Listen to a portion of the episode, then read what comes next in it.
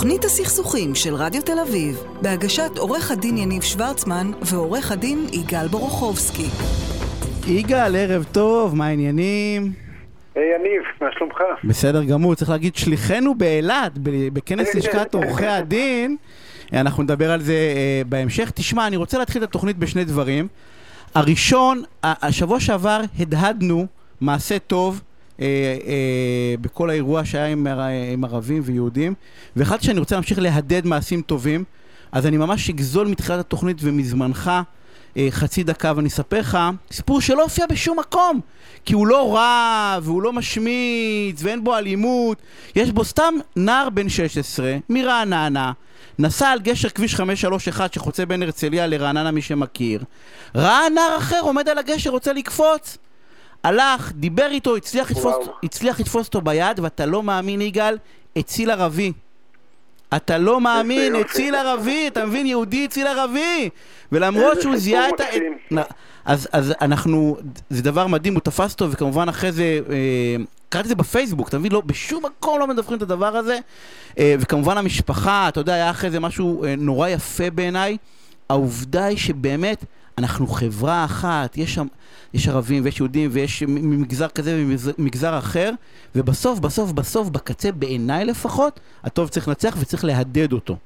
אז... אבל למה, למה לא מדווחים את זה, יניב? כי זה לא מעניין, לא יגאל, כי זה לא מעניין, כי לא יהיה פוסטים של כל מיני... באמת, זה באמת לא מעניין, זה סופר מעניין. אתה חושב שאם אנחנו נמשיך לדווח חדשות טובות כאן בתוכנית, אז יפסיקו להקשיב לנו? זה, זה באמת כ... אנשים כל כך אה, רעים בעיניך? זה, אתה נשאיר את זה לפינה, נכון? העובדה היא שהחדשות בוחרות פעם אחרי פעם בכל הערוצים דרך אגב, זה לא שתגיד ערוץ, הערוץ השמאלני או הערוץ הימני, בסדר? כולם. הערוצים. כולם רוצים לדווח, הם מדווחים את הרוע שלהם. אבל זה, זאת, ביום שככה יתחילו תוכנית, ואחרי זה אין בעיה שתדווח גם על אלימות, על אלימות ועל דברים רעים, אבל תתחיל בטוב, ת, תראה לאנשים שיש גם את הטוב, שזה הרוב, זה לא המיעוט, זה הרוב, ולא בפוסט באיזה קבוצה ברעננה, וחבל, זה פספוס. יניב, וזה- תודה שהבאת את הסיפור הזה, זה באמת אה, מרגש, אה, שובה לב. אז זה הדבר אנשים הראשון. טובים באמצע הדרך, כמו שאמרה... וזה הרוב, זה הרוב, ולא. המיעוט הזה. והדבר השני, תשמע, אני ישבתי עם בחור מקסים בשם גלעד ברגמן. גלעד, ערב טוב, מה נשמע? אתה איתנו, גלעד? גלעד. לא איתנו? רגע, אולי ישמעו אותו עכשיו שומעים. גלעד, אתה איתנו? לא, ירד מהקו. אמ, אז אנחנו... הוא כן, הוא על הקו? גלעד, אתה איתנו? אני פה. אה, מה העניינים? לא שמענו. אתה מבין, יש בעיה בקטע ברדיו, שאם לא מגבירים אותך, לא שומעים, אז הנה הגברנו אותך. מה העניינים? בסדר גמור. מה זה? יופי. תשמע, יש לך פודקאסט מהמם שמתעסק בקבלת החלטות, ויצא לי להיפגש איתך, עשינו, תו- עשינו, עשינו אה, אה, ביחד, עשית איתי, כאילו, אני איתך, כי זה שלך. אה, יודע. כן, איז- איזושהי אה, אה, אה, אה, 40 דקות על איך רבים בכיף, שזה מהות בעצם כל התוכנית הזאת, של איך לריב נכון ואיך לריב בכיף. אה, ומעניין אותי, ואתה יודע, ובדיוק זה עלה שלשום, מעניין אותי כאילו, מה אתה לקחת מזה שישבנו ביחד, אה, אה, מה, מה, יצ, מה יצא מהדבר הזה? תראה, אני תמיד אוהב להגיד דברים בספר, ואני גם אסיים את מה שלמדתי בשלוש נקודות סבירות. אני חושב שהנקודה הראשונה זה באמת מרבית מהדברים שעלו בטיסה, הם היו מאוד מובנים מאליו. לא, גלעד, גלעד, אנחנו נעשה משהו כזה, שומעים אותך נורא נורא גרוע, אנחנו באמת לא טוב, אנחנו ננסה אולי אה, לחדש את הקו, ונעשה את זה בהמשך. אה, יגאל, אז אחרי זה תשמע מה היה לגלעד להגיד. יכול- אני יכול להגיד מה אני לקחתי מהשיחה ביניכם. אה, לא לריב עם אשתי בעשר בלילה, זה... הנה. הטיפ הראשון, לא להרים עם אשתך בעשר בלילה. אז אנחנו נתחיל, אנחנו נתחיל את ה... כן, יש לנו אותו על הקו? יש לנו אותו? מהמם. גלעד? שמעתי יותר טוב, אני... או, הרבה יותר טוב, קדימה. מעולה. אז אמרתי, באמת, כמו שאני אוהב להגיד אה, דברים בשלושות, אני חושב שזה תמיד לוקחים שלוש נקודות, אז גם פה אני אסתכם במראה כזה שלוש נקודות מהירות. אז הנקודה הראשונה, אני באמת, מרבית מהדברים שעלו בשיחה איתך, הם היו מצד אחד נורא מובנים מאליו. זאת אומרת, לא באמת חידשת לי איזה, אתה יודע, איזה אינפוט שלא שמעתי אף פעם, אבל עשית מאוד סדר ומיפית את זה גם בתעדוף מאוד מאוד נכון. אז זה דבר ראשון שאני חושב שלמדתי. הדבר השני זה הקטע... שזה סופר חשוב, דרך אגב, שהתחום שלנו, הוא לא, אנחנו לא ממציאים את הגלגל מחדש. רק, רק... ברור, לעשות- לא, זה באמת עושה סדר, שזה נורא כיף לשמוע. אה, אני חושב שהטיפ השני באמת היה תיאום ציפיות. אה, לפני ריב ומערך הריב זה באמת עוזר להרבה מאוד דברים, לאו דווקא בריבים ביום יום. זאת אומרת, אם זה אנחנו מתחילים ממשהו קטן שאנחנו מתאמים ציפיות, מה אנחנו רוצים, אז גם בריב אני מבין למה זה חשוב עכשיו. אני חושב הדבר השלישי זה הדוגמה של תאונת דרכים שנתת. שאמרת שאם מישהו נתקע בך או אתה נתקע בו, אתה מחכה איזה דקה באוטו ואתה רק אז יוצא, מחליף פרטים או צועק את הבן אדם, במקרה שלך, אבל זה באמת משתנה. ואני חושב שבאמת השתיים שלוש דקות האלה לחכות לפני שמגיבים, כי אם אני זוכר נכון אמרת שבמצב הזה אנחנו by default הולכים או למצב התקפה או למצב הגנה, נכון? חד משמעית. דרך אגב, צריך בדרך כלל 15 דקות כדי להירגע, אבל לספור עד 10 זה שטות שלא ברא השטן. זה כאילו אין מה לספור כן. עד 10 זה לא עובד, אבל חד משמעית או בריחה או תקיפה. כן, אז אני חושב שזה שלושת הדברים שלמדתי. גם הרבה חבר'ה ששמעו את הפרקים גם כן אמרו, נתנו לי ביקורת מעולה, זה היה נורא כיף לקבל את זה. מהמם, אה, אז, אז מי שרוצה עוד חוץ מהשלושה דברים האלה ולשמוע, מוזמן להיכנס, אה, תגיד לנו לאן?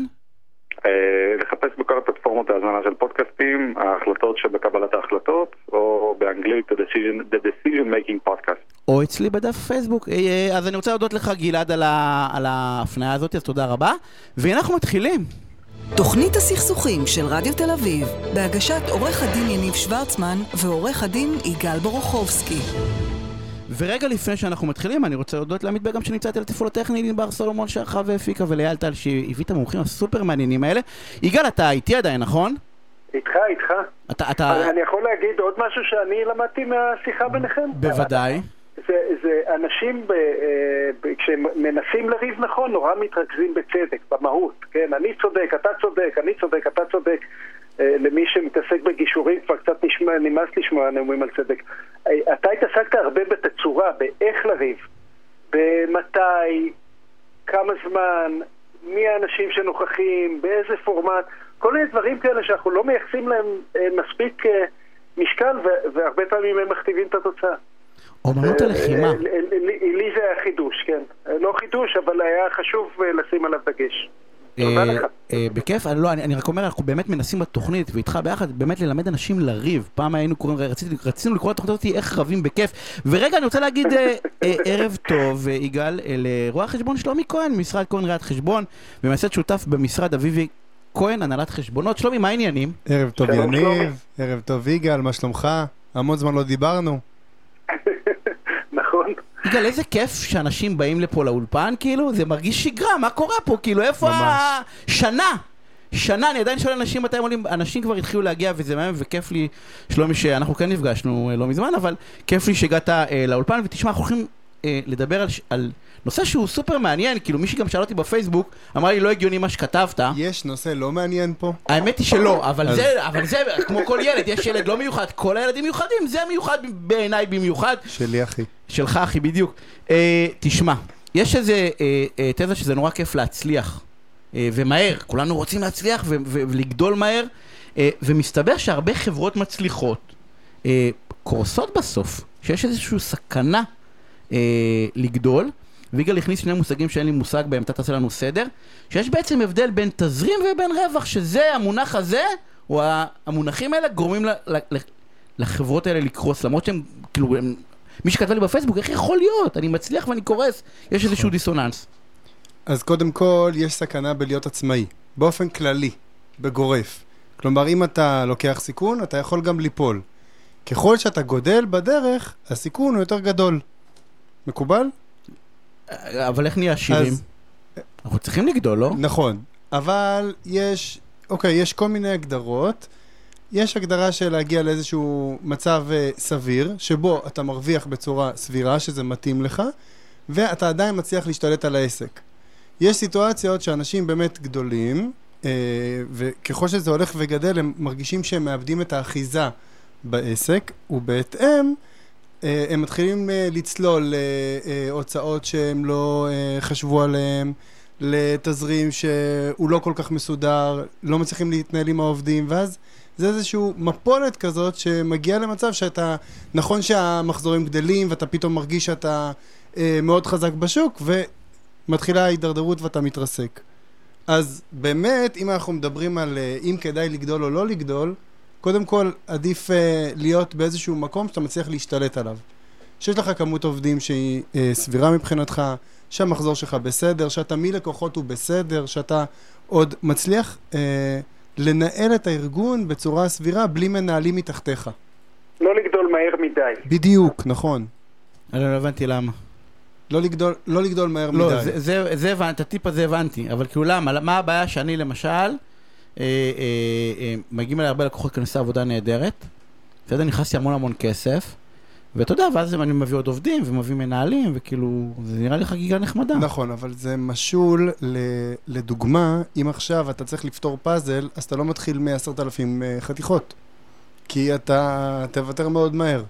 אתה צריך לבנות אותו צעד אחרי צעד, בצורה מבוקרת עבורך. כלומר, אם אתה, בקצב שלך, יכול להביא 20 מנהלים ולנהל את כולם בצורה מסודרת, ושכולם יפקחו על הכל כמו שצריך, ושכל המחלקות יעבדו בסינרגיה, מצוין. אבל אם לא, אז רגע, בוא נעשה את זה שלב אחרי שלב. תביא עובד, תנהל אותו, תביא עוד עובד, תנהל אותו. תביא מנהל, תנהל את המנהל, שינהל את העובדים. כן, ובדרך כלל מה ששלומי אומר נכון, יניב, זה הוא לא נותן את החריג. זאת אומרת, בדרך כלל אתה לא נהפך ממנהל דגול של עובד אחד למנהל דגול של עשרת אלפים עובדים תוך שבוע. זה בדרך כלל לוקח זמן לבנות את רומא. נכון. ו- ואתה יודע, בבנק שהייתי, רוב החובות הבעייתיים, כלומר החברות שקרסו, היו חברות שהצליחו. לא אלה שהיו דרדלה, ורוב אלה היו אלה שגדלו מהר מדי, אבל באיזשהו שלב בסוף להשתלט על העסק. אז שלומי, אולי תגיד שתי מילים על ההבדל בין רווח לתזרים, כי זה, זה אתה- אני חושב, הכי לא אינטואיטיבי, ואנשים לא מבינים את זה. אתה מקדים אותי בעשר שניות. מדהים. אז באמת, יש... אנשים לא מצליחים להבין איך כשהם באים לרואה חשבון שלהם, אז הרואה חשבון שלהם אומר, וואו, תקשיבו, אתם בוננזה, אתם רווחיים, הכל טוב, והם מסתכלים על החשבון בנק ואומרים, אבל רגע, משהו פה לא... אני לא... לא, איפה לא מצ- הכסף? איפה הכסף? איפה הכסף? בדיוק. אז uh, הצהרה הראשונה של uh, כל uh, עצמאי וחברה זה באמת להבין את ההבדל בין רווח לבין תזרים. רווח, ההגדרה שלו זה אם עכשיו היית מצליח לעשות את כל פעולות הגבייה ולשלם לכל הספקים ולכל הארגונים, מע"מ, מס הכנסה וכיוצא באלה, זה השורה שהיית רואה בחשבון הבנק. אבל היא לא. למה? כי יש איזה שהם אה, פרקי זמן שבהם אתה צריך לשלם לספקים ולגבות את הכסף מלקוחות. לשלם למע"מ, כלומר אתה לוקח קודם כל את הכסף מהלקוחות, אתה רואה איזשהו פלוס בחשבון, אבל הוא לא באמת שלך. ולהפך, אתה משלם לספקים, אז אתה קצת נחנק תזרימית, ואתה עדיין לא, אתה עדיין לא מקבל את הקיזוז ממע"מ, אז אתה לא מרגיש אותו בכיס. אז תזרים זה בעצם המצב הפיננסי של העסק היום, כאשר צריך לקחת בחשבון מה יהיו ההוצאות ומה יהיו הת- התשלומים והתקבולים לאורך תקופה מסוימת כדי להבין אם אתה מצליח לעמוד בתזרים שלך או לא. בדרך כלל בישראל הרי תנאי התשלום המקובלים זה שוטף פלוס כך מזה, נכון? אז, אז בדרך כלל אתה מקבל את ההכנסות הרבה אחרי שעשית את העבודה ועשית את ההוצאות. דווקא אצל אה, עורכי דין זה תשלום מקדמה מראש. לא, עורכי דין, אבל בסדר, כי הם למדו, הם יודעים, כמו שיגאל אני אומר, סתם אנחנו- נותן דוגמה. לא, דווקא דוגמה רעה, כי רוב האנשים, אתה יודע, הם, מה אתה צריך אותם. אבל, אה, שלומי, תבוא לנהל לי את המשרד, לא יודע איפה הלקוחות האלה שמשלמים מקדמה מראש, לא, לא אצלי. רגע, אז אני רוצה רגע לה- להבין משהו. יכול להיות סיטואציה שבה אני בעצם מרוויח הרבה כסף, אבל אני בסוף אפשוט את הרגל? אמת. כי- אבל. אבל לא במאה אחוז. הרווח לא... אם עכשיו אתה מרוויח 10 מיליון בחודש, סביר להניח שלא תפשוט לרגל. אבל אם הרווח הוא לא מספיק אה, סביר בשביל להחזיק את העסק תזרימית, כן, יכול להיות מצב שהעסק יגיע לחדלות פירעון. מונח מקצועי בואו בוא שלנו. נחבר את שני הדברים ששלומי לימד אותנו. אה, עסק אה, צריך הון אה, כי הכסף מהלקוחות מגיע מאוחר. עסק שצומח וגדל ומצליח צריך עוד יותר הון כי הוא גדל וצמח, אז נכון. יותר כסף מהלקוחות נכון, יגיע הוא מאוחר. קודם כל, הוא קודם ו- כל משלם, אתה צודק. ו- ולכן לשלומי אומר, קודם כל עסק שגדל וצמח לא בטוח שהוא מרוויח, כי לא בטוח שהמנהל אה, מצליח להשתלט על, על, על כל הפינות. אבל אחר כך גם אם הוא גדל ומצליח ואין, המנהל משתלט פיקס, עדיין יש לו בעיית תזרים מאוד גדולה. ולכן אנחנו רואים את המצב המוזר שרוב החברות שקורסות, קורסות בגלל שהם גדלו מהר מדי. אה, ניהלו לא כמו שצריך, התזרים נכון. הרג אותם, אז אה, אה, או איך- איך פרויקטים, אומרים? או פרויקטים הפסדיים. יש הרבה חברות מצוינות בשוק שנכנסות לפרויקטים שהם לא נכונים עבורם, שהם גדולים עליהם מעל הפופיק, משקיעים בהם את ההון שלהם ולא משאירים תזרים בצד זה לפעילות לא- זה השוטפת. אותו תזרים. זאת אותה סוגיית, בסוף זה בתזרים. נכון. ובעצם זה מעלה, יגאל, אני לא, אני, אני לא יודע אם אתה זה, אבל בזמן הקורונה, במענקים, היה בכל השיח של הפורום של העצמאים, שנורא כעסו, כי אמרו, רגע, מה זאת אומרת? כסף. לא, על, על המע"מ. אנשים חיים מהמע"מ. כאילו, בתוך התזרים הזה, הרבה מאוד עצמאים, כאילו, על זה שרצו לגבות מע"מ של, בקורונה, שלא היה כסף, אז אמרו, רגע, איך דורשים איתנו את המע"מ? מאיפה נשלם? מאיפה נשלם את ה... נותנים מענק מצד אחד, כן, ולוקחים ו- אותו למע"מ כן, מצד אומר, שני. אם לא דוחים מע"מ, כי, כי אה, אה, נכון. רואים בזה חלק מהתזרים. למשל, ב, אז ב, אז מי שחי על המע"מ ורואה ב-15 יום האלה חלק מהתזרים, לא, שידע היה שהוא עסק סיפור- בסיכון גבוה. היה סיפור. מאוד קשה במע"מ בדיוק בתחילת הקורונה, כי לא הסכימו לדחות אותו, וסגרו את כל המשק, וכולם נלחצו, וסגרו את הכיסים. היה שם באמת סיפור אה, מורכב. לא, אבל אני בא ואומר, אבל מעבר לזה, מי שחי על המע"מ, מי שמגלגל את המע"מ, רואה אותו כהלוואה בעצם, אז, אז, אז הוא בעצם, זה, זה אותו סוגיה של התזרים. מי שחי על המע"מ, סופו ליפול. אז אני שואל אותך שאלה שלמה, אז איך כן גדלים? כאילו אתה מבאס, אני רוצה להצליח. עכשיו, אני לא, אני לא, אני אגיד למיכל, אז לא... אין בעיה, אנחנו- לא, תגיד בוא לא למיכל נצליח, כמה עזבי, רחוק. עזבי להצליח, נו, בשביל מה? אבל אה, לאט לאט עובדים בצורה ולנהל מסודרת, וזה. לראות שאתה מצליח לבנות ארגון נכון, לראות שאתה משתלט עליו, שאתה מבין את כל הניואנסים הקטנים בו, מתקדם לשלב הבא. צעד אחרי צעד, בצורה מבוקרת. כל הזמן בוחן את ההתנהלות של ה... של ה... אם, אתה, אם הלקוחות שלך הם לקוחות טובים או לקוחות לא טובים, התנאי אשראי שאתה נותן, הגבייה מהלקוחות, התשלום של הספקים, העובדים שלך, כל הזמן לבקר את עצמך, זה הרכיב של הניהול. אתה בא ואומר, הרכיב של הניהול, זה אתה חייב הכי לדעת חשוב. שאתה יכול לנהל. ולנהל תזרים ו- גם. והרבה, עסקים שפושטים את הרגל פשוט, אה, אה, כי, לא הבנתי שאני לא מנהל טוב? לא, אבל הם עושים החלטות אה, לא נכונות. לעסק מצליח כן, החלטות? לא נכונות. לא, זה כן. אני בעצם זה לא מגדיר נכשל, אותך כמנהל, אתה יכול לעשות החלטות באי-ודאות והן נפלות. הבנתי, לא לא בהכרח, לא, אבל אני בא ואומר, לא, בסדר, זה סוג של... לעשות החלטות באי ודאות זה כן... אבל אבל ת- ת- תשמע מה שלומי אומר לך, הוא אומר לך צעד אחרי צעד, זה הצעה כל כך פשוטה, כל כך נכונה. אתה יודע, ראיינו איזה שני אחים בארצות הברית שהם אה, מיליארדרים מחלקי חילוף. אמרו, מה הסוד שלכם? יגאל, המניות "אנחנו שלך כל עולות שנה אצלי גדלנו בענק." בארבעה אחוז. כל שנה גדלנו בארבעה אחוז. לא לקפוץ מעל הפופיק. אה, אבל בשלם בעידן היום באינסטנט, אתה יודע, כל שנה 4% זה לא מעט מדי. אנחנו רוצים כאן ועכשיו והרבה. אבל כנראה יאללה, זה לא חמישה מצ... אחוז. או, אבל כנראה זה לא מספיק. גם 15 אחוזים. חמ- 15. מעניין אותי דרך אגב רק דבר אחד, שאלה אחת, כי אנחנו לקראת הסוף, יש איזשהו מספר בתזרים וברווח כאילו, שאתה בא ואומר, משהו תשאיר- שמאזן? כן, כאילו לא, כ- כמה תזרים להשאיר כאילו, מה אני צריך לעשות ערימות של כסף בצד פשוט? לא, יש טכניקה אה, יותר פשוטה, להסתכל כמה זמן אתה מקבל את הכסף מהלקוח וכמה זמן אתה מקבל, את ה- מחזיק- משלם לספק. על אותה סחורה או על אותו שירות או מוצר. ואז אם ההבדל ביניהם נגיד זה 30 ימים, אתה צריך להבין ב-30 ימים האלה, אם אתה קונה את המוצר נגיד ב-100 שקל ומוכר אותו ב-130, צריך להיות לך לפחות את, ה- את ההפרש ביניהם. אם לא את כל השווי של עד שאני- המוצר. עד שאני מקבל. אתה בא ואומר, המינימום ההכרחי זה הפער בין מה שאני מוכר למה ששילמתי. לפחות. קח לך חודשיים, שלושה קדימה, שאתה יכול לשרוד, אה, שאתה יכול לשרוד, שיהיה לך הון לשרוד. ואם אין לך, תצמצם קצת מחזורים, לא נורא. אה, טוב, שלומי, אני רוצה להודות לך, רואה חשבון שלומי כהן, אמרו לי שצריך לחזור על השם בסוף הפינה, זה היה טיפ נהדר, אז תודה לאייל על הטיפ הזה. אז שלומי, תודה רבה וכיף שבאת. תודה רבה לך. ואנחנו אה, נתראה פה בעוד שבועיים, אנחנו רוצים הפסקת פרסומות, ואנחנו אה, כבר חוזרים. תוכנית הסכסוכים של רדיו תל אביב, בהגשת עורך הדין יניב שוורצמן ועורך הדין יגאל בורוכובסקי. תוכנית הסכסוכים של רדיו תל אביב, בהגשת עורך הדין יניב שוורצמן ועורך הדין יגאל בורוכובסקי. ואני רוצה להגיד ערב טוב לעורכת הדין מימי צמח, מייסדת המרכז לפתרון סכסוכים בהייטק ושותפה מייסדת של פירמת עורכי הדין צמח שניידר ושות' הייטק מסוגים ורכישות. מימי, ערב טוב, מה העניינים? היי, ערב טוב, מעולה. שלום, שלום. אהלן. יגאל איתנו על הקו, יגאל שליחנו בכנס באילת, יש כנס, מישהו צריך לייצג פה את התוכנית בכל זאת. אה, אנחנו נדבר על הכנס עוד מעט. אנחנו הולכים לדבר על, על אה, אני כרגע לא יודע אם המילה כשלים היא מתאימה, בסדר? אבל יזם הייטק צעיר, אנחנו אה, פיתחנו רעיון, יש לנו רעיון, אנחנו נורא אוהבים אותו, ואז אנחנו מגיעים למשא ומתן עם אה, משקיע, או קרן השקעות, ווטאבר, וזה לפעמים משתבש, ואז זה נגמר רע, ובואי, בואי, תספרי לנו קצת, איך, איך זה עובד, ממה אנחנו צריכים להיזהר, יש לי רעיון, אני רוצה להיפגש בקרוב עם איזה משקיע, מה לא לעשות, או מה כן לעשות. אוקיי, okay. אז אני חושבת שמילת המפתח, קודם כל, שאמרת זה, אנחנו נורא אוהבים אותו. שזה משהו שהוא נורא ייחודי בהייטק, הקטע שרגש הוא מאוד מאוד רלוונטי ומאוד מעורב.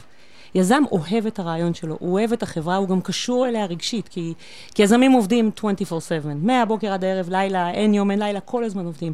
הם אוהבים את מה שיש להם, לוקחים את זה באופן אישי, ועם זה הם באים למשא ומתן. אתה בא מאוד טעון, חיובית.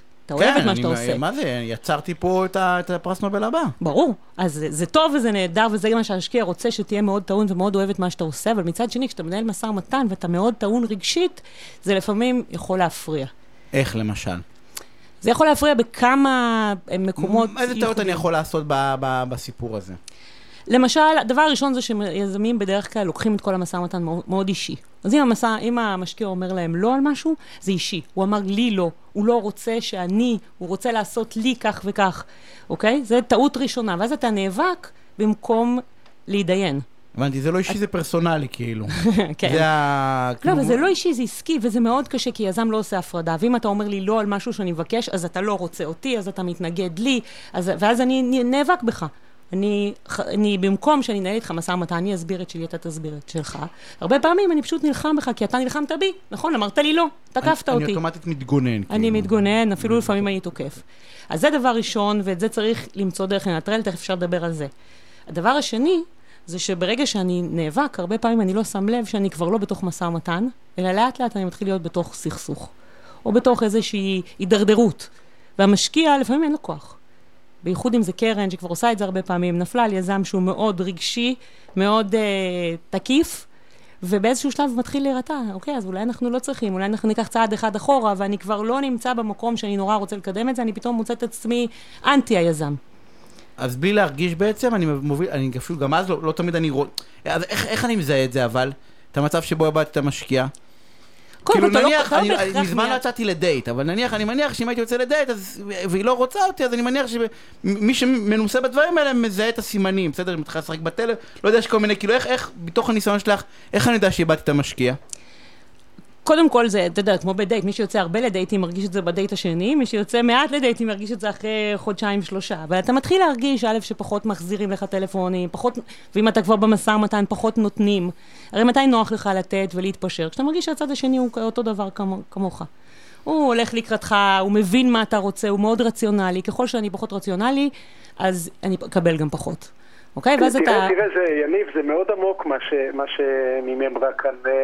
אה, אנשים חושבים שכמה שהם יהיו יותר קשוחים הם יקבלו יותר, והרבה פעמים זה בדיוק ההפך. כשדווקא כשהם מוותרים וזורמים, אז גם הצד השני נכנס לאווירה מוותר וזורם, וזה טיפ שהוא...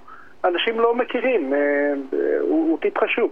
נכון. אבל, אבל אם כולם זורמים, אז איך בסוף אני מקבל את מה שאני רוצה? 90% מהעסק, אז, לא? אז יש עוד דבר שנורא חשוב להבין במשא ומתן בכלל, ואני חושבת שליזמים שעובדים עם הרגש חשוב גם כן. הם רוצים להגן על עצמם מפני משהו. תפתחו את האוזניים, תקשיבו. יכול להיות שאפשר להגן על מה שאתם רוצים, אבל בדרך אחרת. והמשקיע הרבה פעמים הוא מנוסה. אז תסבירו. במקום להגיד, לא, אני לא מסכים, אני לא מסכים כי אני מרגיש שתוקפים אותי, תסביר ממה אתה חושש, ותיתן דרך למשקיע או לצד השני, או אפילו לזה שיושב לידך והוא מנוסה כבר בדברים האלה, לעזור לך להגן על מה שאתה מבקש, אולי לאו דווקא במק... בדרך שאתה חושב שהיא נכונה. כי הוא יותר מנוסה. כי הוא יותר מנוסה, כי הוא פחות טעון. זה ממש, כאילו, זה, אני מקווה שאין לי, יש לי אפס ניסיון במשאים ומתנים של אה, יזמים, בטח בהייטק, אבל זה מרגיש לי בול כמו גישור. נכון. לא, ב- כאילו זה, זה אותו, זה נשמע, כל משא ומתן הוא גישור, אבל כאילו פה, פה בגלל, הר... מה אתה צוחק, יגאל? מה אתה הכל צוחק? מרגיש לך כמו גישור, הכל מרגיש לך כמו זה גישור. נכון, אבל זה נכון. אבל הוא צודק, הוא לא, צודק. אבל פה כאילו, הקטע, אתה יודע, ההפרדה של ה... השיח רגשות, אה, אתה יודע, אגו וכל הדברים האלה, שאין, שאני הולך קונה, לא משנה מה, עזוב, אתה הולך קונה בית, אין לך את זה. אין לך את זה, כאילו בסדר, כן להסתדר עם הבית, לא להסתדר עם הבית. אתה יודע, שאני הלכתי, קניתי אותו, אה, אין לי רגש, אני נכנסתי, נתנו הנחה, קניתי, לא היו נותנים, הייתי הולך, לא הייתי, לא, זה לא היה הופך לי אישי, בסדר, הייתי הולך למותג אחר וקונה מותג אחר. נכון. זה ההבדל גם בין, אני חושבת, בין אה, משפט, שאתה הולך לשופט, והוא מחליט, אתה רוצה שמונה, אני חושבת שמגיע לי ארבעים, והשופט יחליט איפשהו בין השמונה לארבעים, והוא ייתן את זה. בגישור, כמו שאתה קורא לזה, או מה שאנחנו עושים, אה, אנחנו עושים בין היתר גם אה, פתרון סכסוכים. הקמנו את המרכז הישראלי לפתרון פתרון סכסוכים בהייטק. מה שאנחנו עושים זה מנסים לפצח את מה עומד מאחורי הדרישות, מה עומד מאחורי השמונה שלך, מה עומד מאחורי הארבעים שלי. ולראות אם אנחנו יכולים לצאת גם אתה עם השמונה שלך וגם אני עם הארבעים שלי, כי אם נבין מה עומד מאחורי זה, אני אתן לך את מה שאתה רוצה, לאו דווקא במספרים, אלא בדברים אחרים. אם את צריכה... תספרי קצת על, ה, על המרכז, אה, מה, מה אתם עושים שם? אז uh, האמת שהמרכז אה, זה מצחיק, כי הוא קם עוד לפני שהוא קם, כי שמנו לב ש... שהרבה, בגלל הדברים שאמרתי, הרבה פעמים uh, נוצרים סכסוכים, בין יזמים למשקיעים, בין יזמים לבין עצמם. אני מבין אבל שנוצרים סכסוכים, סליחה שאני מתפרץ, עוד עוד לפני שיש בכלל, לא תמיד יש, כאילו, זה לא תמיד תוך כדי הסכם כבר, זה כאילו עוד לפני לא, ההסכם. זה יכול להיות גם uh, בגלל שזה מאוד אמוציונלי. ייקח שני יזמים, הם לא ישנו, הם לא ישנים כבר חודשים, הם מאוד אמוציונליים על העניין הזה, והרבה פעמים נוצר ביניהם מתח בגלל הדברים האלה. ו- וכל מה שהם צריכים זה מישהו שיבוא מהצד, והוא לא יהיה לא עייף ולא טעון ולא חשדן. והוא ינסה להבין מה כל אחד מהם רוצה, וינסה למצוא איך לתת לכל אחד את מה שהוא רוצה, מבלי שהוא ירגיש שהוא ויתר או הפסיד. מצאנו את עצמנו עושים את זה יותר ויותר, כי אנחנו מייצגים הרבה פעמים את היזמים, הרבה פעמים את המשקיעים, ומכירים את הצד הזה והזה. ואז התחילו לפנות אלינו, אה, אני, קרה לי שהצגתי שני יזמים מול משקיעים, ובאיזשהו שלב הם צלצלו ואמרו, תקשיבי, אנחנו רוצים שתגשרי ותייצגי את שנינו. אז קודם כל הסברתי להם, אתם מבינים שאני מייצגת אתכם, אני לא יכולה לייצג גם את הצד השני. אנחנו מבינים? אנחנו רוצים, תעזרי לנו לפתור את הכמה משוכות שנתקלנו בהן, ואז נחזור חזרה ל... ל... להיות אחד מול השני. וכך היה. זה יופי. יגאל, בתחושה שלך, מעניין אותי, אני אשאל אותך, מי- אה, ה- ה- הייטק שונה, או, כי זה, או, או כל סכסוך הוא אותו דבר? כי את חושבת שבהייטק יש איזשהו, איזה שהם אלמנטים אחרים כאילו בסכסוכים? את מבינה את השאלה שלי? בטח. יגאל, שיצא לך בהייטק, אני מניח שגישרת, כאילו, זה סכסוכים אחרים? בגלל אותו מרכיב אה. רגשי יצירתי, כאילו אני יוצא, יודע, זה, כאילו, זה כמו נניח, זה, יש יותר יצירה.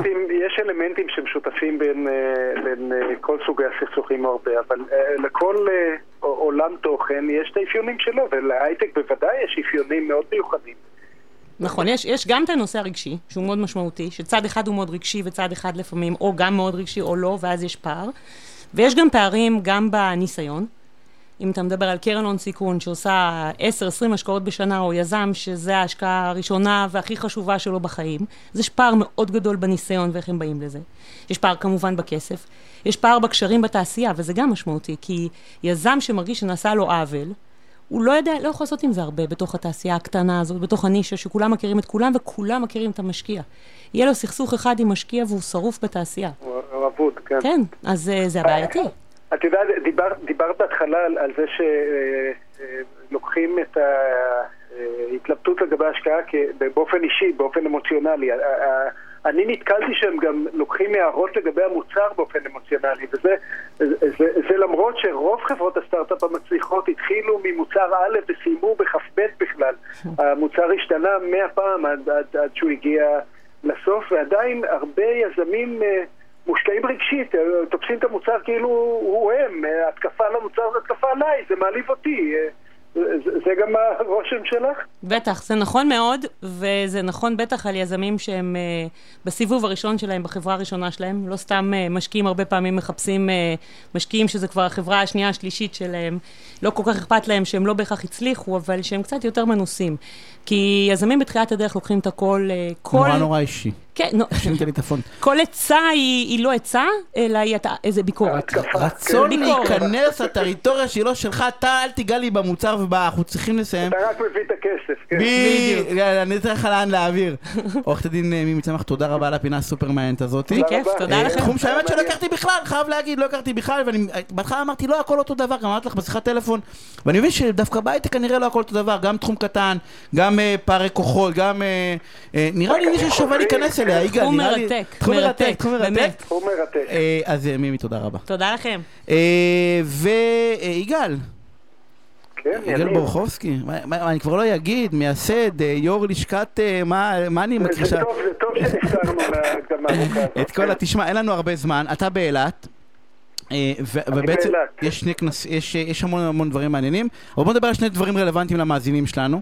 אה, אחד, אני מבין שאתה במושב על בנקאות, ויש שם איזשהו משהו שאמרת שהוא ב- היה סופר מעניין דרך אגב, אז בוא תשתף את המאזינים.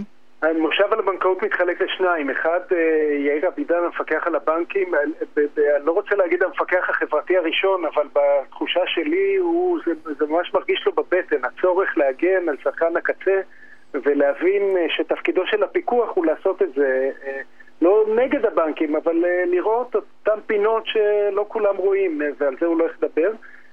והחצי השני יהיה פאנל שמדבר על העולם החדש. אתה יודע, אנחנו מדברים על אה, בנקאים, הבנקאי שלי, הוא מכיר אותי 20 שנה, לאט לאט זה יהפוך להיות כלום, זה בוט.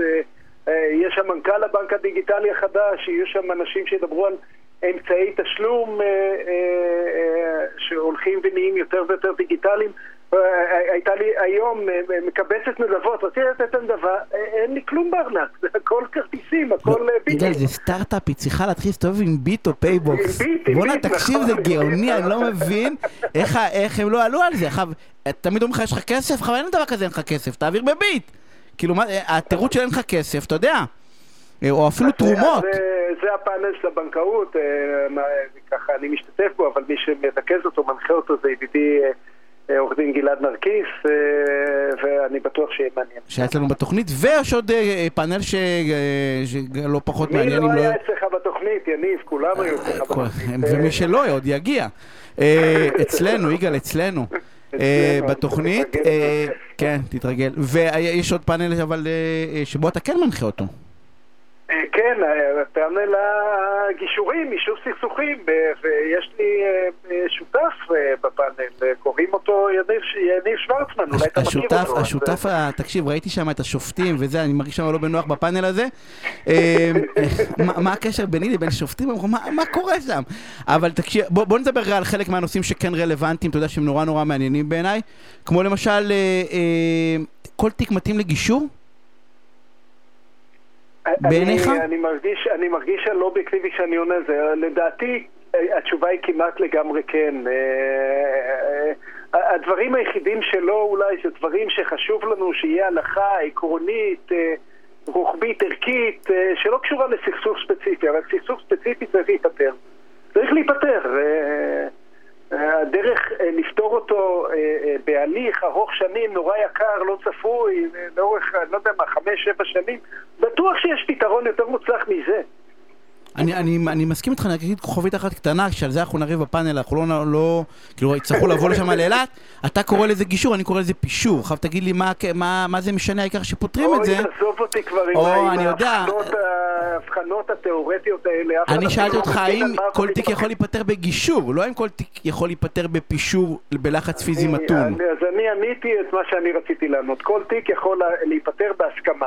הסכמה, כל צד יבחר איך הוא נוח לו להגיע להסכמה. כן, כשאת אומרת לא למה את מתכוונת לגבי הסכמות בגישור, אבל... למאזינים, למאזינים שלא מבינים על מה יריב, יניב מדבר, אה, גישור הוא יותר תהליכי, יותר אה, מעצים, יותר מצמיח, יותר ארוך, אה, יותר ווין ווין, פישור הוא יותר, רגע, בואו נבדוק מה, מה הפשרה הסבירה, ואני עושה גם את זה וגם את זה, אבל אה, מה שבאמת חשוב לי, שצדדים ימצאו דרך יותר מוצלחת אה, אה, להתקדם בחייהם, אה, יגיעו לפתרון מוסכם ויעברו הלאה. ואני אגיד. למאזינים שאתה אומר להם שאתה טוען שאתה עושה את שניהם אני לא בטוח למרות שאנחנו לא הייתי אצלך בגישור אבל מה שאני כן אגיד אבל מה אה, שאני כן אגיד רגע אנחנו צריכים לסיים תקשיב מה שאני כן את הפינה הזאת כמובן מה שאני כן אגיד אבל בתוך הדבר הזה שפישור בעיניי אתה פשוט מקבל הצעה שאתה לא יכול לסרב לה אה, ואז אתה לא מסרב אה, אנחנו בהחלט נריב על זה מחר. אה, מי שרוצה, אה, מתעניין בלראות את ה...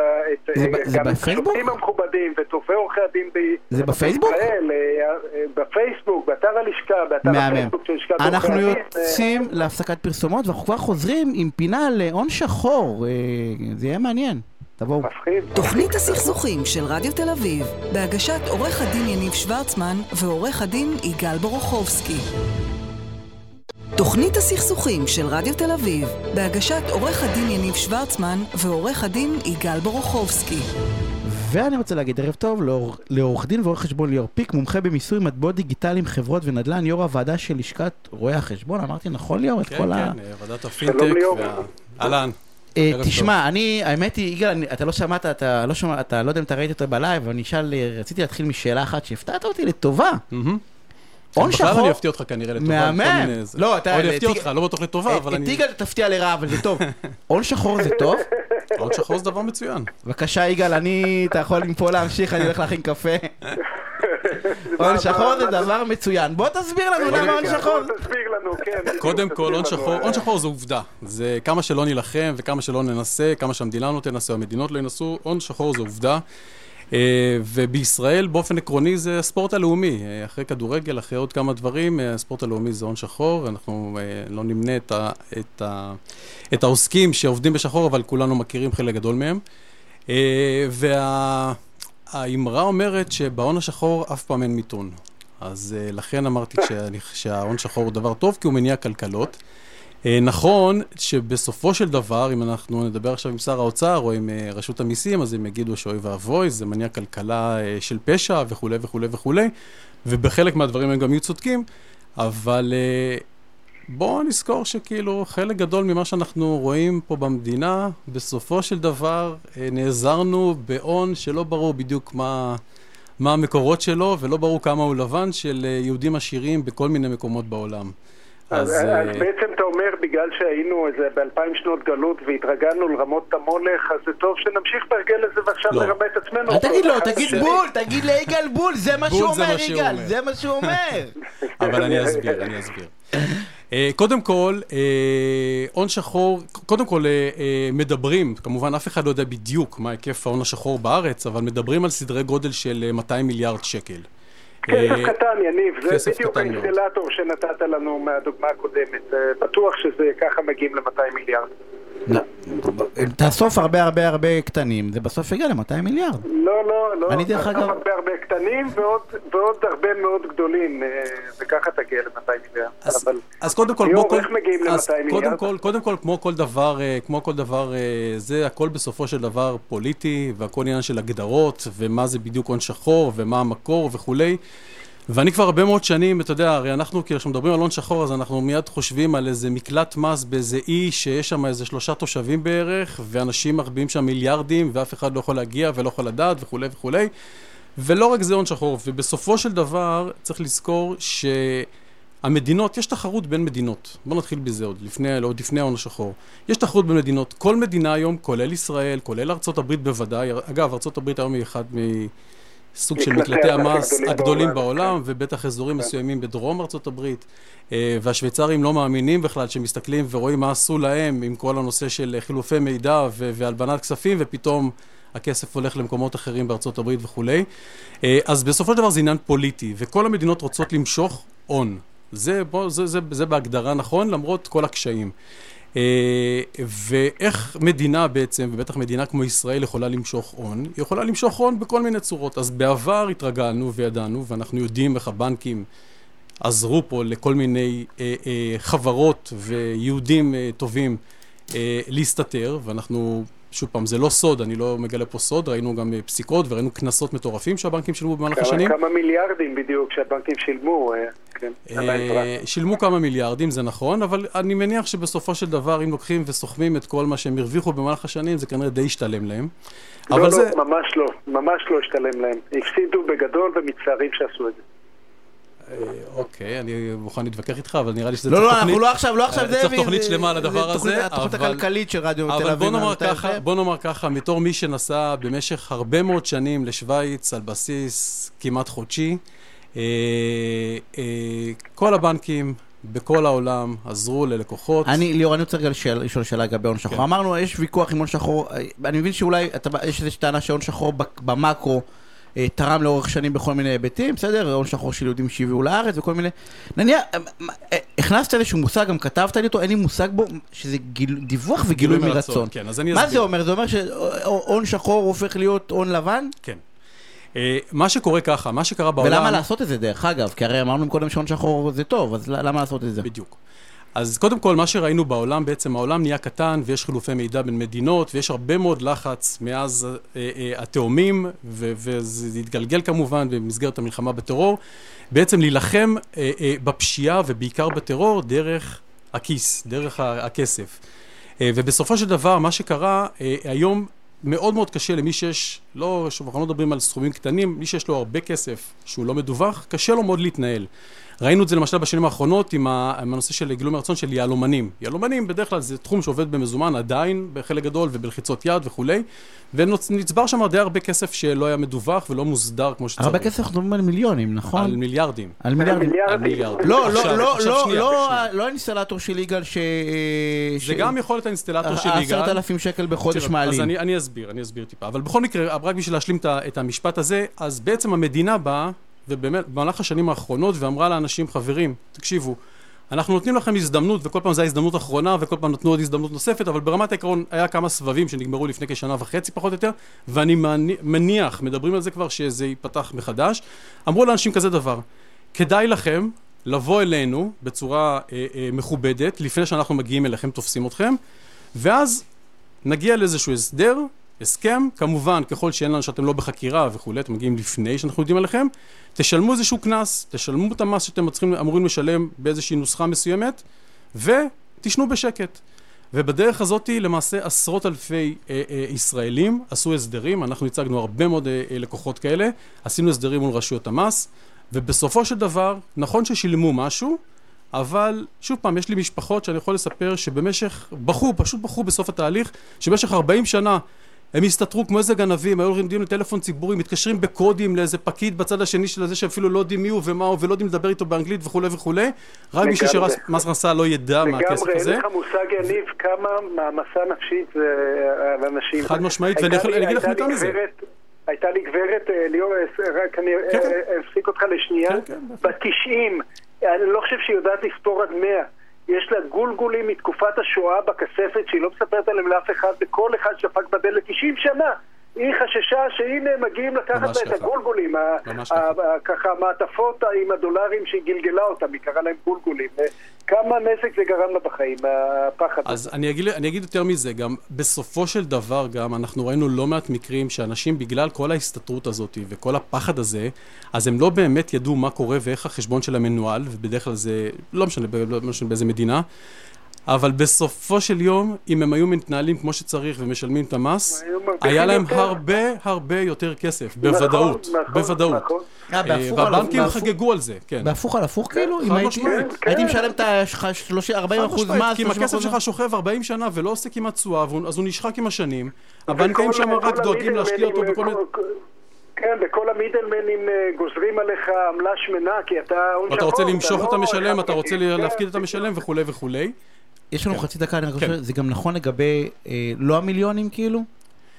אתה יפה. מבין את השאלה? אז כאילו, זה נכון גם בעיקרון, לגבי אה, עוד פעם. האינסטלטור, אז או המאמן כושר, כן. או כאלה? אז ברמת העקרון כן, אבל, אבל, אני אומר, יש פה עלויות, כי אי אפשר לעשות, הליך כזה זה הליך מורכב, אי אפשר לעשות אותו לבד. היו לי לקוחות שאמרו, אני אלך למס הכנסה, אני... אי אפשר. עכשיו, בסופו של. דבר יש עניין של עלות תועלת, זאת אומרת, יש עלות של יועץ, עורך דין, רואה חשבון, ששוב פעם, אני בדרך כלל, למרות שאני גם וגם, אני ממליץ ללכת לעורך דין, כי יש את העניין של חיסיון, אבל יש לזה עלות. עכשיו, מישהו שבא עם 50 אלף שקל לא מדווחים, הוא כבר יסתדר, הוא יבזבז אוקיי. אותם, הוא יסתדר עם הדבר הזה כנראה. אז זה בדרך כלל צריך איזשהו ה- סכום הגדולים. משמעותי. אה, לא יודע מה זה גדולים, אבל בוא נאמר, אני חושב חצי מיליון, מיליון שקל וצפונה, ובדרך כלל זה במיליון דולרים. אני רוצה לדעת אבל לך שיחה סופר... אה, לא יגאל, תכף אני שלך, תכף אני הסיכום- אס- ת- אני אתן לך לסכם, טוב, תסכם קדימה. הסיכום שלי הוא שזה פשוט לא משתלם, הפשע לא משתלם, לאורך זמן, בסוף אתה לא ישן טוב בלילה וגם נדפק בכיס. ו- אני לצערי, אני חולק עליך בנקודה הזאת, אנחנו- יגאל. אנחנו נמשיך את זה, תהיה לנו. הזדמנות. עורך דין ועורך חשבון ליאור פיק, תודה רבה. יגאל, אנחנו אה, אה, ממש מסיימים את התוכנית עכשיו. אנחנו מתראים עוד יומיים. אני רוצה להודות לעמית בגם ולענבר סולומון. אה, עמית על התפעול הטכני ולענבר סולומון שאחריו הפיק. דני סידס יהיה מיד אחריי. יגאל, איזה משפט סיום, חם שם באילת? גיהנום, נכון, האמת, גיהנום. כן, כן. אין לך- מה לקנא ביגאל. אבל לא לא מהשמש, מהדיונים הלוהטים ש... בסדר. עשרת אלפים- עורכי דין אתה שם בכמה בניינים נותן לי להתווכח, תחשוב מה קורה. כמה שיממון ושעמום יש שם. יגאל, תודה רבה, אנחנו נתראה עוד מאה, אנחנו נתראה עוד יומיים, שערב טוב. אה, אנחנו את השבוע הבא, ביום שני, בשעה שמונה. אה, שמרו על עצמכם, אה, מתחיל להיכנס לשגרה וזה כיף. יאללה ביי.